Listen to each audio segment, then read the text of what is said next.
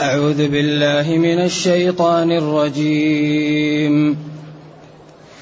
ثم أنزل عليكم من بعد الغم أمنة نعاسا يغشى طائفة يغشى طائفة منكم وطائفة قد أهمتهم أنفسهم يظنون بالله غير الحق. يظنون بالله غير الحق ظن الجاهلية. يقولون هل لنا من الأمر من شيء؟ قل إن الأمر كله لله. يخفون في أنفسهم ما لا يبدون لك. يقولون لو كان لنا من الأمر شيء ما قتلنا هاهنا قل لو كنتم في بيوتكم لبرز الذين كتب عليهم القتل إلى مضاجعهم وليبتلي الله ما في صدوركم وليمحص ما في قلوبكم والله عليم بذات الصدور.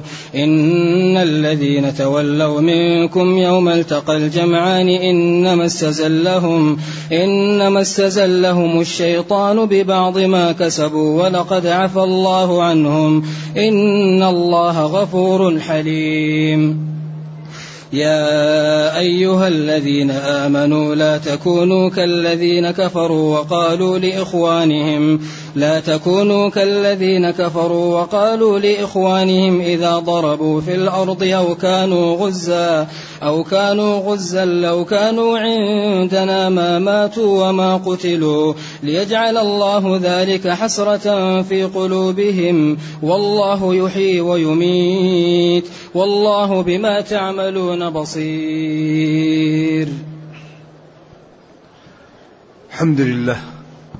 الحمد لله الذي أنزل علينا أشمل كتاب وأرسل إلينا أفضل الرسل وجعلنا خير أمة أخرجت للناس فله الحمد وله الشكر على هذه النعم العظيمة والآلاء الجسيمة والصلاة والسلام على خير خلق الله وعلى آله وأصحابه ومن اهتدى بهداه. أما بعد فإن الله تعالى يبين في هذه الآيات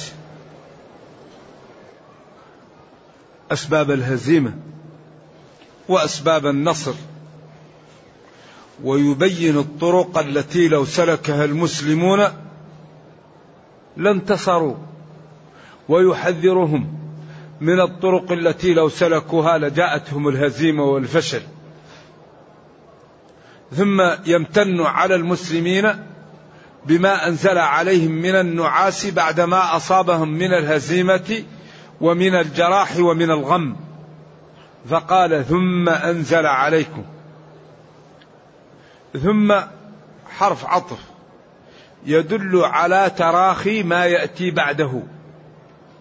وقد يخرج عن ذلك. لكن أصل ثم العطف بعد مدة تقول جاء زيد ثم عمرو. يعني أن عمرا قدم بعد زيد بمدة. تقول جاء زيد فعمر أن عمرو جاء بعد زيد مباشرة.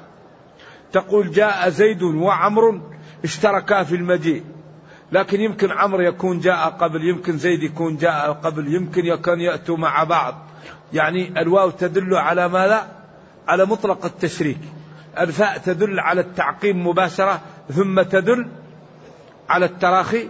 ولكن هذا في الغالب وقد يعطى حكم هذا حكم هذا وقد ينزل هذا منزلة هذا. ولذلك السياقات وما ورد عن العرب هو الذي يحكم بالتفصيل, بالتفصيل فيه. إذا ثم يعني بعد ما أصابكم بمدة وبعد ما انهزمتم وجاءت لكم الجراح ووقع لكم ما وقع أنزل عليكم. والإنزال يدل على أن هذا يعني أمر مهم أنزل. والإنزال يأتي من فوق إلى تحت. أنزل الشيء إذا جاء من فوق إلى تحت. وأعلى الشيء إذا رفعه من تحت لفوق. أنزل عليكم أي خاص بكم. بعدين قال من بعد الغم. ما قال أنزل عليكم أمنة من بعد الغم لأن يعني هذا لأهمية هذا الإنزال فقدم أنه أنزل عليكم من بعد ما أصابكم من الألم أمنة نعاسا. ما قال نعاسا أمنة؟ قال أمنة قدم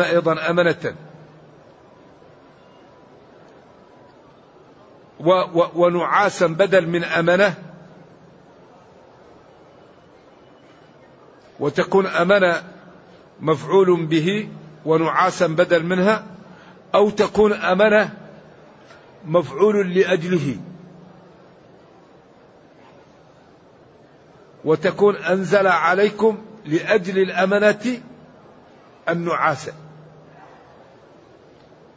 وقد تكون نعاس الحال على الخلاف الموجود عند المعربين لأنه جائز أن تكون مفعولا أو مفعولا له أو تكون حال على التأويلات الموجودة في الآية. أنزل أي أنزل الله عليكم أيها المؤمنون من بعد الغم من بعد ما أصابكم من الهزيمة والحزن التابع لذلك من الجراح والقتل أمنة. الأمنة هو السلامة مما يخاف الإنسان. جاءته أمنة يعني سلم مما يخاف منه. أما الأمن فقد يؤمن الإنسان ويكون في أمان من غير أن يخاف لكن الأمنة كثيرا ما تطلق على السلامة مما يخاف. والنعاس هو بداية النوم. ويقال إن الإنسان عافانا الله وإياكم من الحزن ومن المصائب. أول ما تخف عن الإنسان بعد أول نومة ينامها. إذا لا سمح الله إنسان أصيب في محبوب أو جاءته مشكلة يتألم والحزن أمر لا يمكن للإنسان أن يرده عن نفسه لأنه انفعال فأول ما يخف عن الإنسان الحزن فيما يصيبه بعد أن ينام. إذا نام يستيقظ والله يخفف عليه بعد النوم. فلذلك جاءتهم هذا النعاس بعدما أصابهم ليخفف عنهم وليعيد لهم نشاطهم وليزيل عن قلوبهم ما أصابها. أيوة. يغشى أي النعاس طائفة جماعة منكم وهم المسلمون الخلص. طلحة والزبير وعمر وأبو بكر وعثمان الطائفة المخلصة. وطائفة قد أهمتهم أنفسهم المنافقون. هؤلاء لا يأتيهم النوم لأنهم لا هم لهم للمسلمين ولا في النصر ولا في عزة الإسلام ولا هم لهم إلا إيش؟ إلا السلامة. ولذلك لا يأتيه النوم. قد أهمتهم أنفسهم. جابنا لهذا المحل. خطأ كبير. كيف نأتي هنا؟ كيف نقدم على الهلكة؟ هؤلاء الكفار أقوياء. ولما نأتي هنا؟ ما جاءهم النعاس عياذا بالله. ولذلك العبد إذا كان لله الله يسعده. يرزقه الطمأنينة يرزقه السعادة يخفف عليه أمور الدنيا. يجعل حياته سعيدة. والعبد إذا لم يكن لله ولم يكن مطيعا لله الله يجعل حياته نكدا يأتيه بالأوهام ويأتيه بالأمراض ويأتيه بالحزن ويأتيه بالوساوس وتكون حياته ضيقة. ذلك الفرق بين المستقيم وغير المستقيم أن كل منهم يعيش في الدنيا لكن هذا يعيش مع سعادة في الدنيا وطمأنينة وراحة ومع ذلك الدنيا سجن له. وذلك يعيش في الدنيا عياذا بالله قلق غير مستريح وإذا مات يأتي للخسارة الكبيرة والعقوبة والنكال عياذا بالله. ولذلك قال قل من حرم زينة الله التي أخرج لعباده؟ قل هي للذين آمنوا في الحياة الدنيا مع المشركين خالصة للمتقين. فالمتقون يشاركون الكفار في الدنيا ولكن الآخرة خالصة لهم. إذا هذه النعاس كان مريح ومخفف عن المتقين. أما الجماعة والشريحة التي كانت منافقة وقد أهمتهم أنفسهم هؤلاء لم يأتيهم النعاس ولم يأتيهم النوم وإنما كانوا يتلاومون. وبعضهم يقول جابنا هنا لو كان لنا من الأمر شيء ويتكلمون. لذلك الحقيقة لا منجال في هذه الدنيا إلا الاستقامة. الذي يريد أن تصلح له دنياه يستقيم. والذي يريد أن تصلح له أخراه يستقيم. والذي يريدهما معا يستقيم. الاستقامة هي التي تأتي بالسعادة. هي التي تأتي بالعزة. هي التي تأتي بالمدافعة. إن الله يدافع عن الذين آمنوا. أما غير المستقيم فهو كسحابة صيف. إذا وجد شيئا مآله للزوال عياذا بالله. إذا قل هي أي هذه القضية يغشى هذا النعاس طائفة منكم وهم المتقون. وطائفة وهم المنافقون قد أهمتهم أنفسهم. أهم شيء عليهم السلامة الأنانية هي صفتهم عدم التضحية عدم الاهتمام بالآخرين. ولذلك الفرق بين النبيل وغير النبيل أن النبيل دائما أعمال للآخرين منافعه متعدية. أما اللئيم والدنيء يشتغل لمن؟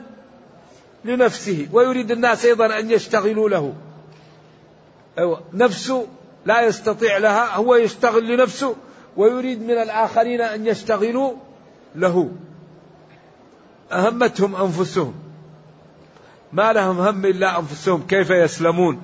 كيف ينجون؟ كيف لا يصل لهم سوء؟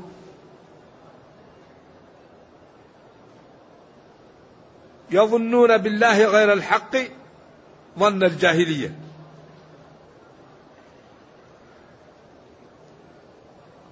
يقولون هل لنا من الأمر من شيء؟ يظنون الظن يقال لي للشك ويقال لليقين والسياق هو الذي يمايز. إن نظن إلا ظنا إن الظن لا يغني من الحق شيئا. وظنوا أن لا ملجأ من الله إلا إليه أي تيقنوا. إذا هؤلاء يظنون بالله غير الحق عياذا بالله أنه لا ينصر المسلمين أن العاقبة والدائرة على المسلمين أن النبي صلى الله عليه وسلم مشى بهم ليهلكهم وأنه خرج بهم ليوقع بهم وأنه قال لهم إن لكم النصر وها هم الآن انهزموا. إذا يأتيهم الشيطان والنفس الأمارة بالسوء ويظنون بالله غير الحق أن الله تعالى ناصر لأوليائه هازم لأعدائه وأن الحرب في بداياتها دول. ولذلك هرقل لما سأل أبا سفيان قال له الحرب بينكم وبينهم قال سجال ذلك تكون الأنبياء. ولكن العاقبة لهم. من يتبعه؟ ضعافكم. ضعاف لهم. قال ذلك الإسلام. هل يخرج أحد تبعه؟ قال لا. قال ذلك الدين يزيد. قال هل تركه أحد ممن تبعه كراهية له؟ قال لا. قال هل ينقض قال لا ولكن قال لم أجد طريقا أدخلها إلا قال ونحن بيننا وبينه عهد لا ندري ماذا أحدث بعده. قال ما وجدت طريق أدخل فيها إلا هذه الكلمة. قال له قلت لي قلت لي قلت لي. ثم قال لو كنت أستطيع أن نغسل قدميه لفعلت. وقال لقومه يا جماعة تعالوا لكم العز اتبعوا هذا الرجل فحاصوا. فشفق على ملكه قال لهم عرفت أن نختبر إيش؟ أيوه صلابتكم وإلا هو أحب الملك مسكين وآثره. لذلك هذا الدين دين لا يراه منصف إلا دخل فيه. هذا الإسلام معجزة خالدة. ولذلك قال قال علمت أنه سيظهره الله.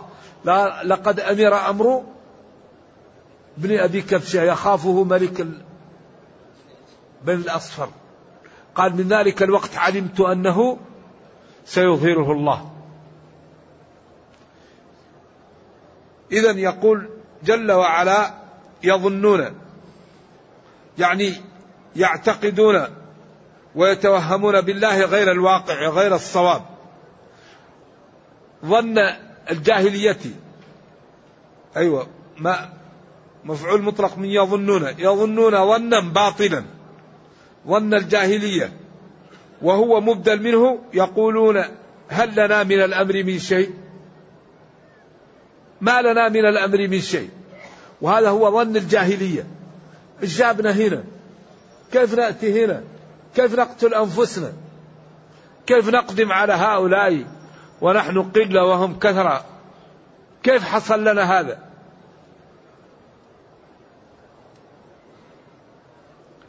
إذا الفرق بين المتقين وبين المجرمين والكفار أن الكافر ما عنده شيء يعبد الله على حرف.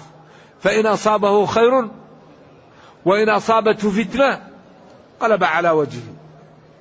يحاول يمسك العصا من وسطها. يا ليتني كنت معهم فأفوز فوزا عظيما. وإن جاءت معركة يقول الحمد لله ربنا سلمنا. ما كنا معهم. ما هو معقول هذا. ولذلك المسلمون المتقون يوم الخندق ماذا قالوا؟ قالوا هذا ما وعدنا الله ورسوله وصدق الله ورسوله وما زادهم إلا إيمانا وتسليما. لما جاءت الكربات يصلب ويقول هذا الحق آمنا بالله اللهم انصرنا اللهم لا حيلة لنا إلا أنت ويصلبون. أما هذا لو كان لنا من الأمر شيء جابنا هنا ليش نأتي؟ وما الذي أتى بنا هنا؟ إذا الفرق بين الصادق وغير الصادق أن الصادق إذا جاءت نقطة الصفر يصلب عوده ويقوى ويستمر فيما هو فيه ويتشجع. أما الذي ما هو صادق إذا جاءت نقطة الصفر تجده إيش؟ ولذلك لا يقبل الله إلا الصدق. ما يقبل إلا الصدق.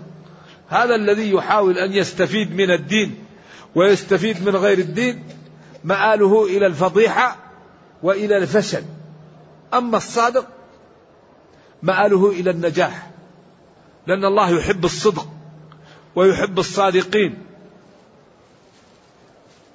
ولذلك الإسلام يحرم على المسلم أن يغش الكافر. ما يغش المسلم. وقال الحرب خدعة أو خدعة. أنك لا تظهر للناس ما عندك. راح ولما قرب من من من, من مكة راح وقال كل رجل يولع نار. الجيش كم؟ كان عشرة ألاف. عشرة ألاف نار. كيف يكون هذا في الليل؟ قال كل رجل يولع نار. حتى يشوفوا هذا يقول والله هؤلاء ملايين. كم هذا؟ كم نار عندهم؟ وراح وقال لهم اطلعوا من هنا واخرجوا من هنا وكل كتيبة تكون حالها. ولما جاء لي في عمرة القضية لما صار في المحل وهم طلعوا على أبي قبيس صاروا إذا كانوا في المحل اللي يشوفوا أبي قبيس يجري. شرع إيش؟ الرمل. حتى يقولوا والله هؤلاء أقوياء. قالوا أضعفتهم حمى يثرب ما هو صحيح. والله رأيناهم يجروا. هؤلاء نشيطون. هذا نوع من من السياسة العجيبة. لكن في الظلم لا. وإما تخافن من قوم خيانة لا تخدع. ناس بينك وبينهم صلح وبينك وبينهم عهد. عيب أن تخونهم. قل لهم هذا العهد بيننا وبينكم. فانبذ إليهم على سواء على علم. فدين الإسلام دين عملاق. شوف من جهة سياسي ومن جهة لا يظلم. لذلك صار لما يكون بينه وبين الكعبة أبي قبيس يمشوا. وإذا رأوهم يش يرملون. حتى يقول والله هؤلاء نشيطين هؤلاء عجيبين هؤلاء خطيرون هؤلاء لا طاقة لنا بهم. ولذلك يوم البراءة جاءت كالبركان. براءة ما فيها بسملة براءة. كل سورة فيها بسم الله الرحمن الرحيم براءة بدون بسملة براءة. كالبركان أمامكم واحد من ثلاثة أمور. يا تدخلوا في الإسلام يا تخندقوا وتجمعوا السلاح يا تأخذوا أموالكم وذراريكم وتخرجوا من مكة ولا رابع لها. فسيحوا في الأرض واعلموا أنكم غير معجز الله وأن الله مخزي الكافرين. ولكم أربعة أشهر. فدين الإسلام دين عجيب. فيه من السياسة وبعد النظر والحكمة والحنكة والإنصاف والنزاهة والعدل ما لا يجتمع في دين غيره. ولكن حري بنا أن نعطيه الوقت ونفهمه. إذا يظنون بالله غير الحق من أنهم مهزومون وأنهم مهلكون وأنه لا يمكن أن تكون الدولة لهم. يقولون هل استئنافية؟ هل لنا من الأمر من شيء؟ ما لنا من الأمر من شيء. استفهام مقصود به النفي. يعني ما لنا حيلة. أتى بنا محمد صلى الله عليه وسلم وصحابته لهذا المكان كرها عنا ونحن لا نريد أن نأتي. قل لهم يا نبي إن الأمر كله لله. إن الأمر كله لله. إيه. قرأ البصريان إن الأمر كله لله. إن حرف توكيد الأمر اسمها.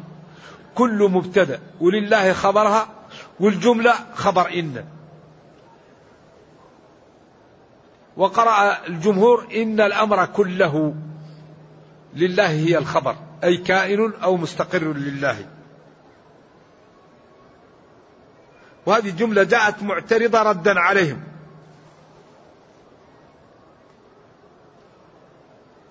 يقولون هل لنا من الأمر من شيء يخفون في أنفسهم ما لا يبدون لك. الله قال لهم قل إن الأمر كله لله. نعم إن أراد أن ينصركم نصركم. وإن أراد أن يهزمكم هزمكم. وإن أراد أن يوفقكم وفقكم. ولذلك الأمر لله والله قادر. إذا ينبغي أن يتكل عليه ويرجى ولكن بعد القيام بالأسباب. كان السلف يقول أهم شيء عندي أن نقوم بالسبب. نعم. ولذلك من أكبر أسباب الفلاح أن المسلم يصلي ويقول اللهم ارزقني الورع. أن المسلم يغض بصره ويقول اللهم ارزقني الورع. أن المسلم يكف عن أكل الغيبة ويقول اللهم ارزقني الورع. المسلم يأخذ لوحه ويقرأه ويراجع في, في, في, في لوحه ومحفوظه ويقول اللهم ارزقني العلم. المسلم يبيع ويشتري ويقول اللهم ارزقني الغنى. المسلم يكون له أسرة ويقول اللهم ارزقني أولادا. إذا أهم شيء أن نقوم بالأسباب. ثم ندعو الله. أما الذي لا يقوم بالأسباب هذا يتواكل. فالقيام بالأسباب هذا واجب. واجب. المسلم أن يقوم بالأسباب. واجب أن يصلي واجب أن يصوم واجب أن يغض بصره. فإذا قام بالأسباب ودعا الله الله يستجيب له. ولذلك يوم أحد يوم بدر كان يقول اللهم انجز اللهم انجز لي ما وعدتني وأتى بالجيش اللي عنده وقدر ما عنده وأتوا فالله نصرهم.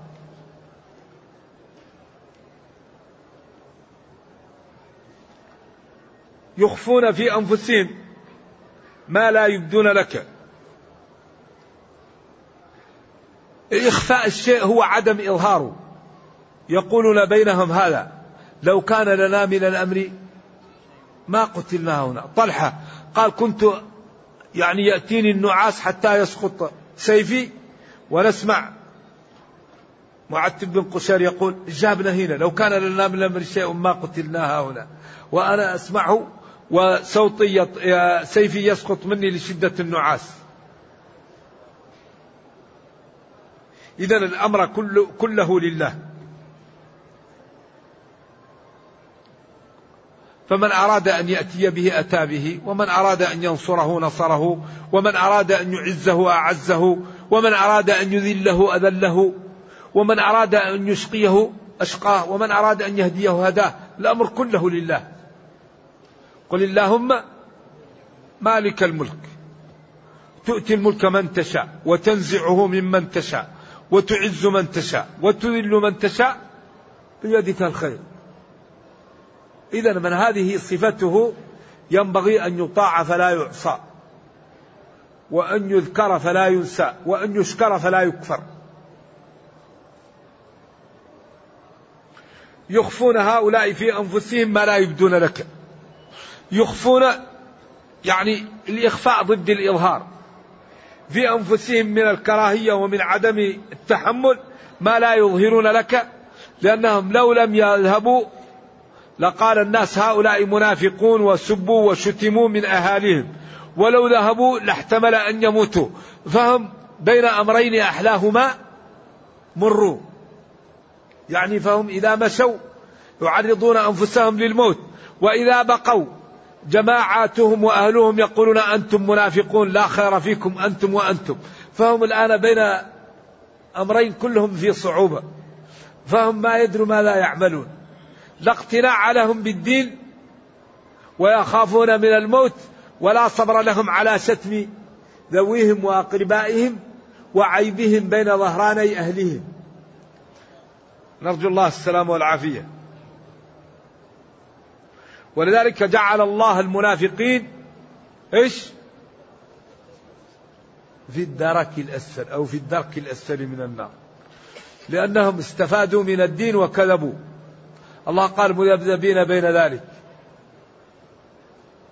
لأنهم استفادوا من الدين وهم كاذبون فلذلك عوقبوا بهذا ويوم القيامة يعطى لهم نور حتى إذا فرحوا به أخذ منهم وقيل لهم ارجعوا وراءكم فالتمسوا نورا فضرب بينهم بسور له نرجو الله السلام والعافية. لو كان لنا من الأمر شيء ما قتلنا هنا. لو كان لنا يعني في التدبير أمر ما قتلنا في المعركة. ها هنا يعني في المعركة. قل لهم يا نبيي لو كنتم لو فرض عليكم أنكم لم تأتوا للمعركة وكنتم في بيوتكم وقد كتب الله على بعضكم أن يقتل لبرز غصبا عنه لأن ما كتب الله في اللوح المحفوظ لا بد أن يقع. لا بد أن يقع ما ختم الله. إذا قل لهم لو كنتم في بيوتكم وكتبنا على هؤلاء ما كتبنا لبرز الذين كتب عليهم القتل إلى مضاجعهم. إذا الشقي من شقي في بطن أمه والسعيد من سعد في بطن أمه. ولكن نحن لا ندري العواقب ولا ندري ماذا كتب الله في اللوح المحفوظ فنعمل ونسأل الله العافية ونتكايس ونقوم بالأسباب ونخاف. ونعلم أن ربنا كريم ولا يضيع أجر من أحسن عملا ولا ينصرن الله من ينصره. فنقوم بالأسباب ونسأل الله أن يجعلنا ممن كتب من السعداء ولا يجعلنا ممن كتب من الأشقياء. ولكن هذا الذي حصل لازم يحصل. لكن نحن لا ندري ما لا كتب ولا يترك أحد العمل إلا وهو باختياره. لأن ما في واحد يعرف ما الذي كتب له. السابقة لا يعلمها إلا الله. إذا من ترك العمل ما يعرف السابقة تركه باختياره. ولذلك قال جل وعلا ألم نجعل له عينين ولسانا وشفتين وهديناه النجدين وقال في حق أهل النار كلما ألقي فيها فوج سألهم خزنتها ألم يأتكم نذير؟ قالوا بلى قد جاءنا نذير فكذبنا. إذا لا يدخل الرب أحدا النار إلا بعد قيام العذر. وما كنا معذبين رسلا مبشرين ومنذرين لئلا يكون للناس على الله حجة بعد الرسل. ما يدخل أحد النار إلا بعد الإعذار والإنذار وبعد البيان. فلذلك هذا الدين دين اليسر والسهولة والسماحة والنزاهة والعدالة والرفق و يعني دين مجمع الفضيلة. كل خير يدعو إليه. كل شر ينهى عنه. يأمرك بالإعطاء. ويأمرك بالتعفف. يأمرك بالتغاضي. وينهاك عن الظلم. شوف يأمرك بأن تتغاضى. وأن تعفو أقرب للتقوى. وينهاك عن الظلم. يأمرك بالبذل ويأمرك بالتعفف وينهاك عن السؤال. عجيب. كل جهة طيبة يشجع عليها وكل جهة غير طيبة ينفرك منها. فذلك دين كمل وحسن ولا توجد مسألة طيبة إلا ومأمور بها في هذا الدين. ولا يوجد شيء يضر إلا وهو محذر منه في هذا الدين. فحي بنا أن نتمثله وأن نعمل به وأن نجعله نصب أعيننا وأن نظهر للعالم جمال هذا الدين في حياتنا. حري بنا أن نلبس الدين أن نعمل به أن ندعو الناس بأخلاقنا وبأعمالنا قبل أقوالنا. قل لهم لو كنتم لو فرض أنكم في بيوتكم لبرز الذين كتب عليهم القتل إلى مضاجعهم. إذا أنتم لو خرجتم أو لم تخرجوا ما كتب سيقع. فإن كتب عليكم أنكم تموتون في المعارك ستموتون في المعارك. وإن كتب عليكم أنكم تموتون في البيوت ستموتون في البيوت. فإن خرجتم للمعارك لن تموتوا فيها. وإن لم تخرجوا للمعارك تخرجوا غصبا عنكم وتموتوا فيها. إذا القضية قضية ما أراد الله سيقع وإن خرجتم أو لم تخرجوا ما كتبه الله سيقع.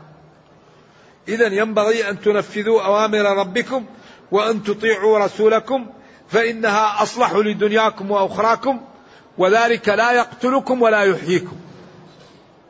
خالد بن الوليد ما لا يقول؟ يقول لا نامت عين الجبناء.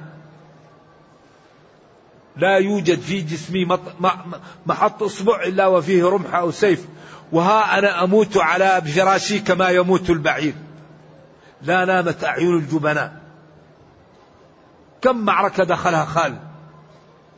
حتى قال عمر رحمة الله على أبي بكر كان أبصر مني بالرجال. لأن عمر لما ولي نزع خالد. ففي بعض المعارك قال للقائد قال له ما رأيك تعطيني القيادة في هذه المعركة؟ قال له نعم خذها. فأخذ القيادة وانتصر الجيش. فقال عمر رحمة الله على أبي بكر كان أبصر مني بالرجال. يقول ما في جسمي موضع أصبع إلا وفيه رمح أو طعنة سيف وها أنا أموت على فراشي كما يموت البعير. إذا لو كنتم في بيوتكم لخرج الذين كتب عليهم القتل إلى مضاجعهم. وليبتلي الله ليمحص ويختبر ما في قلوبكم فيظهر المطيع فترفع درجته ويظهر المنافق فيفتضح ويعاقب. والله جل وعلا عليم بذات الصدور. الجملة صالحة للترغيب والترهيب. ما دام الله لا تخفى عليه خافية فإن المطيع ينشط في الطاعة وإن العاصي العاصية يقلع عن المعاصي. إذا هذا من, من, من إعجاز القرآن تأتي الجملة صالحة للترغيب وللترهيب. بما في الصدور إن الذين تولوا منكم وهذا محك هذا ثقل الجملة وهو أسباب الهزيمة. إن الذين تولوا منكم يوم التقى الجمعان يوم أحد إنما استزلهم الشيطان ببعض ما كسبوا. إنما جاءت الهزيمة ببعض ما كسبوا من المعاصي وهو نزول الرماة عن الجبل بعد أن حذرهم نبيهم من النزول سواء حصلت هزيمة أو حصل نصر. فقال لهم لا تبرحوا المكان. سواء نصرنا أو هزمنا. فابقوا هنا. فهم لما رأوا النصر نزلوا. والنزول من استنزال الشيطان لأن الشيطان قال لهم فاتتكم الغنيمة وهم هزموا. إذا انزلوا لإخوانكم. أو أزلهم الشيطان بسبب ما كسبوا من الذنوب وهو المخالفة فصاح فيهم وقال لهم قتل محمد صلى الله عليه وسلم فوقع في النفوس من الألم ومن الخوار ما به. جبنوا عن مقاومة أعدائهم وجاءت الهزيمة نتيجة لما صاح به الشيطان على أحد الأقوال. إنما استزلهم أزلهم الشيطان ببعض ما كسبوا من الذنوب بعدين عاجل الله وبين ولقد عفى الله عنهم. ولذلك قال بعضهم ما لي شغل في الهزيمة هنا وفيما كان في قلبي بعدما قال الله ولقد عفى الله عنهم. يكفينا قول ربنا ولقد عفى الله عنهم. الله غفر لهم وتجاوز عنهم. إن الله غفور لذنوب عباده حليم بهم. إذا ما حصل من الهزيمة هو من الشيطان. ولذلك الشيطان دائما يوسوس ويسول ويأتي بالغضب ويأتي بالشهوة ويأتي بالشبهة حتى يزل الناس عن إيش؟ عن الحق. وقال إن الشيطان لكم عدو فاتخذوه عدوا. وقال قل لعبادي يقولوا التي هي أحسن إن الشيطان وقال فلأضلنهم ولأمنينهم ولآمرنهم فليبتكن آذان الأنعام ولآمرنهم فليغيرن خلق الله. فالشيطان دائما هو الذي يورد الموارد وهو الذي أتاهم في صورة سراقة. لما أراد أن يرجع قريش يوم بدر جاءهم في سراقة بن مالك الجعشمي وقال لهم أنا أكفيكم من الجهاد لا تخافوا. جاءهم في صلاة سراقة فلما رأى جبريل على حيزوم قالوا له يا سراقة فين راح؟ قال إني أرى ما لا ترون إني أخاف الله وهو كذاب ما يخاف الله. وسرد عنهم قالوا سراقة خذلنا تبين أنه ما هو سراقة أنه الشيطان. قال لهم لا تخافوا أنا أتيكم من جهة نجد ولا يأتيكم أحد. ولكن لما رأى جبريل على حيزوم يقول اقدم حيزوم. وهذا في المغازي. قالوا له يا سراقة كيف تمشي؟ قال إني أرى ما لا ترون. خاف. ذلك الشيطان يأتي للإنسان ويكون في خلاء وتغرس عليه السيارة في أرض غير صلبة طعوس فيروح يدعي غير الله فيأتيه الشياطين وتطلع له السيارة ويقول الولي طلع, طلع لي السيارة. يقول يا ولي لأنه يقول اللهم يا ولي لأن نرجو الله العافية لكل بلد فيها أولياء وفيه صالحون. فأحيانا هؤلاء الصالحون إذا احتاجوا لهم إيش؟ يدعو. فإذا دعا الصالح هذا تأتي الشياطين وتطلع السيارة. يقول والله هذا الولي عجيب. أنا والله غرست السيارة وجاء وطلع هذه. ما نقول لهذا؟ ما لا يسمى هذا؟ هذا يسمى استدراج. هذا استدراج. يأتي يدعو غير الله يأتيه الشيطان ويأتيه برزم من الفلوس ويضعها تحت المخدة ويقول له أنا البارح دعوتني خذ هذا. ولذلك قال وإخوانهم يمدونهم في الغي ثم لا يقصرون. وقال شياطين الإنس والجن يوحي بعضهم إلى بعض. فشياطين الإنس إذا استعانوا بشياطين الجن يساعدوهم واحد يدعو غير الله يأتيه الشيطان بفلوس. ويقول له خذ هذا استعين به. فإذا قلت له اتق الله يقول لك ما تعرف منزلتي عند الله. لأنه مسكين ما عنده علم يميز به بين إيش؟ بين الحلال والحرام. لذلك الذي يتعبد بغير علم هذا أخطر شيء تأتيه؟ البدع وتأتيه المهاوي أخطر شيء أن يتعبد المسلم على غير علم. لأنه إذا تعبد على غير علم يأتيه الشيطان ويدخل له الرياء ويدخل له البدع ويدخل له المهالك.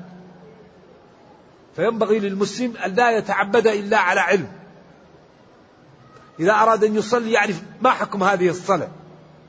إذا أراد أن يتصدق ما حكم هذه الصدقة. إذا أراد أن يقول ما حكم هذا القول. ولذلك باب العلم قبل القول والعمل. فاعلم أنه لا إله إلا الله بعدين استغفر لذنبك. فلذلك أهم شيء أن المسلم لا يتعبد على جهل. إذا تعبد على جهل يأتوه الشياطين ويساعدوه ويعملوا له ويظن أنه هو يعني ولي من أولياء الله وهو مسكين يطيع الشيطان. يأتيه الشيطان ويقول له شوف بعد العصر صلي 12 ركعة كل يوم في بيتك. ضروري. هو يروح يقول أنا جاءني الولي أو جاءني النبي صلى الله عليه وسلم أو جاءني الله وقال لي نصلي 12 ركعة في بيتي. طيب النبي صلى الله عليه وسلم قال لا صلاة بعد العصر حتى تغرب الشمس. كيف يقول لك صلي؟ وفي النصوص لا صلاة والنبي صلى الله عليه وسلم قال لا نبي بعدي. طيب من كيف هذا يأتيك؟ من أين جاء بهذا؟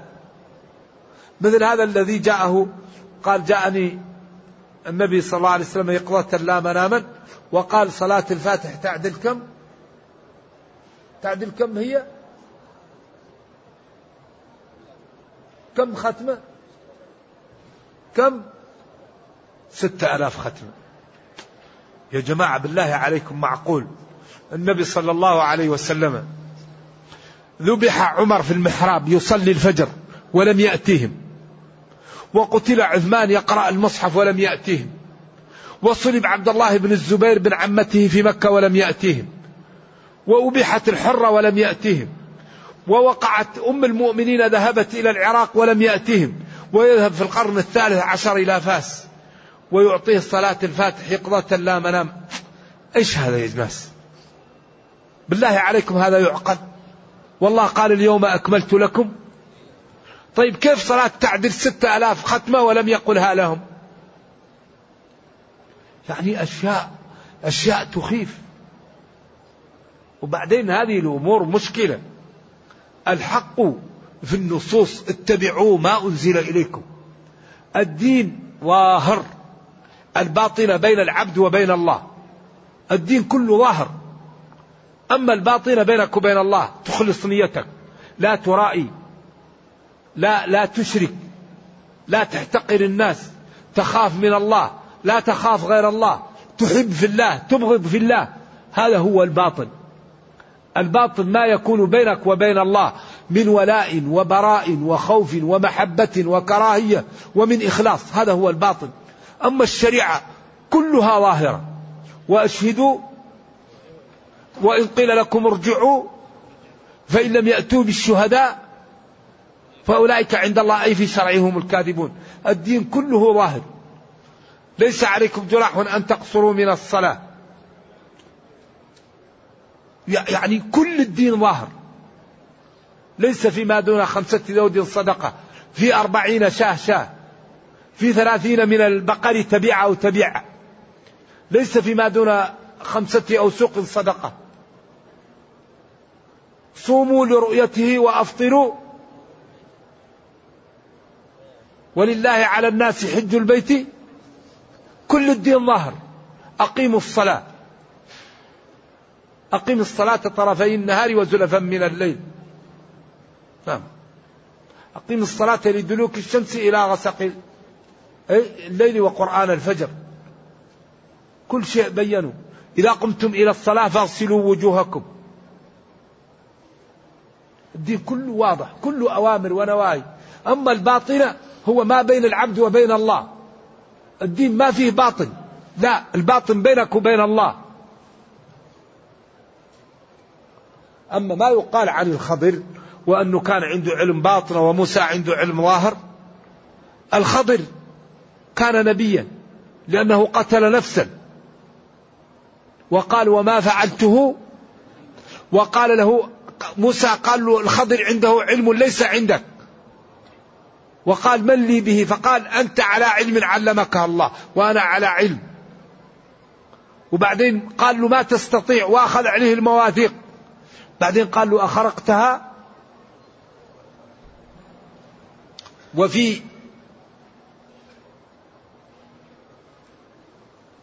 كتاب يسمى نعت البدايات يقول فيه لا يجوز للتلميذ أن ينكر على شيخه ولو بقلبه. طيب وأول تلميذ موسى وأول شيخ الخضر أول شيء قال له أخرقتها؟ طيب هم يقولوا أول تلميذ هو موسى وأول شيخ الخضر وهم يكتبون لا يجوز أن ينكر التلميذ على الشيخ ولو بقلبه والخضر قال له موسى أخرقتها؟ لتغرق أهلها؟ إذا الأمة يعني أصيبت ببعض الأمور وهذه الأمور لا تزال إلا بالعلم والرفق لأن كثيرا من هؤلاء لا يريدون إلا الخير ولا يريدون إلا الصلاح ولا يريدون إلا الجنة ولكنهم سلكوا مسالك خطيرة جدا لأن الدين بالاتباع. اتبعوا ما أنزل إليكم. اتبعوا ما أنزل إليكم. تركت فيكم ما إن تمسكتم به لن تضلوا بعدي. كتاب الله وسنتي. أي واحد يقول لك شيء قل له أتيني بكتاب أو سنة. لا تأتيني المنامات والإلهامات لا تؤخذ منها النصوص. لا يجوز أن يؤخذ حكم من نوم ولا يجوز أن يؤخذ حكم من الإلهام. الحكم يؤخذ من قال الله قال رسوله والإجماع والقياس السالم من المعارض. هذه الأربعة هي اللي يؤخذ منها الأحكام. الكتاب والسنة والإجماع لقوله لا تجتمع أمتي على ضلالة.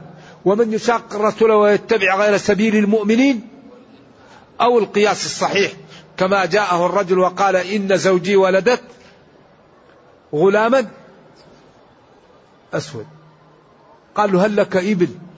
قال له نعم. قال ما ألوانها؟ قال حمر. قال له هل فيها من أورق؟ قال له نعم. قال له من أين جاءه؟ قال له لعل عرقا نزعه. قال للولد لعل عرقا نزعه. فالأعرابي كيف؟ يعني مر فهم وانبسط. أصل وفرع وعلة وحكم. والحديث صحيح. من أين جاءه؟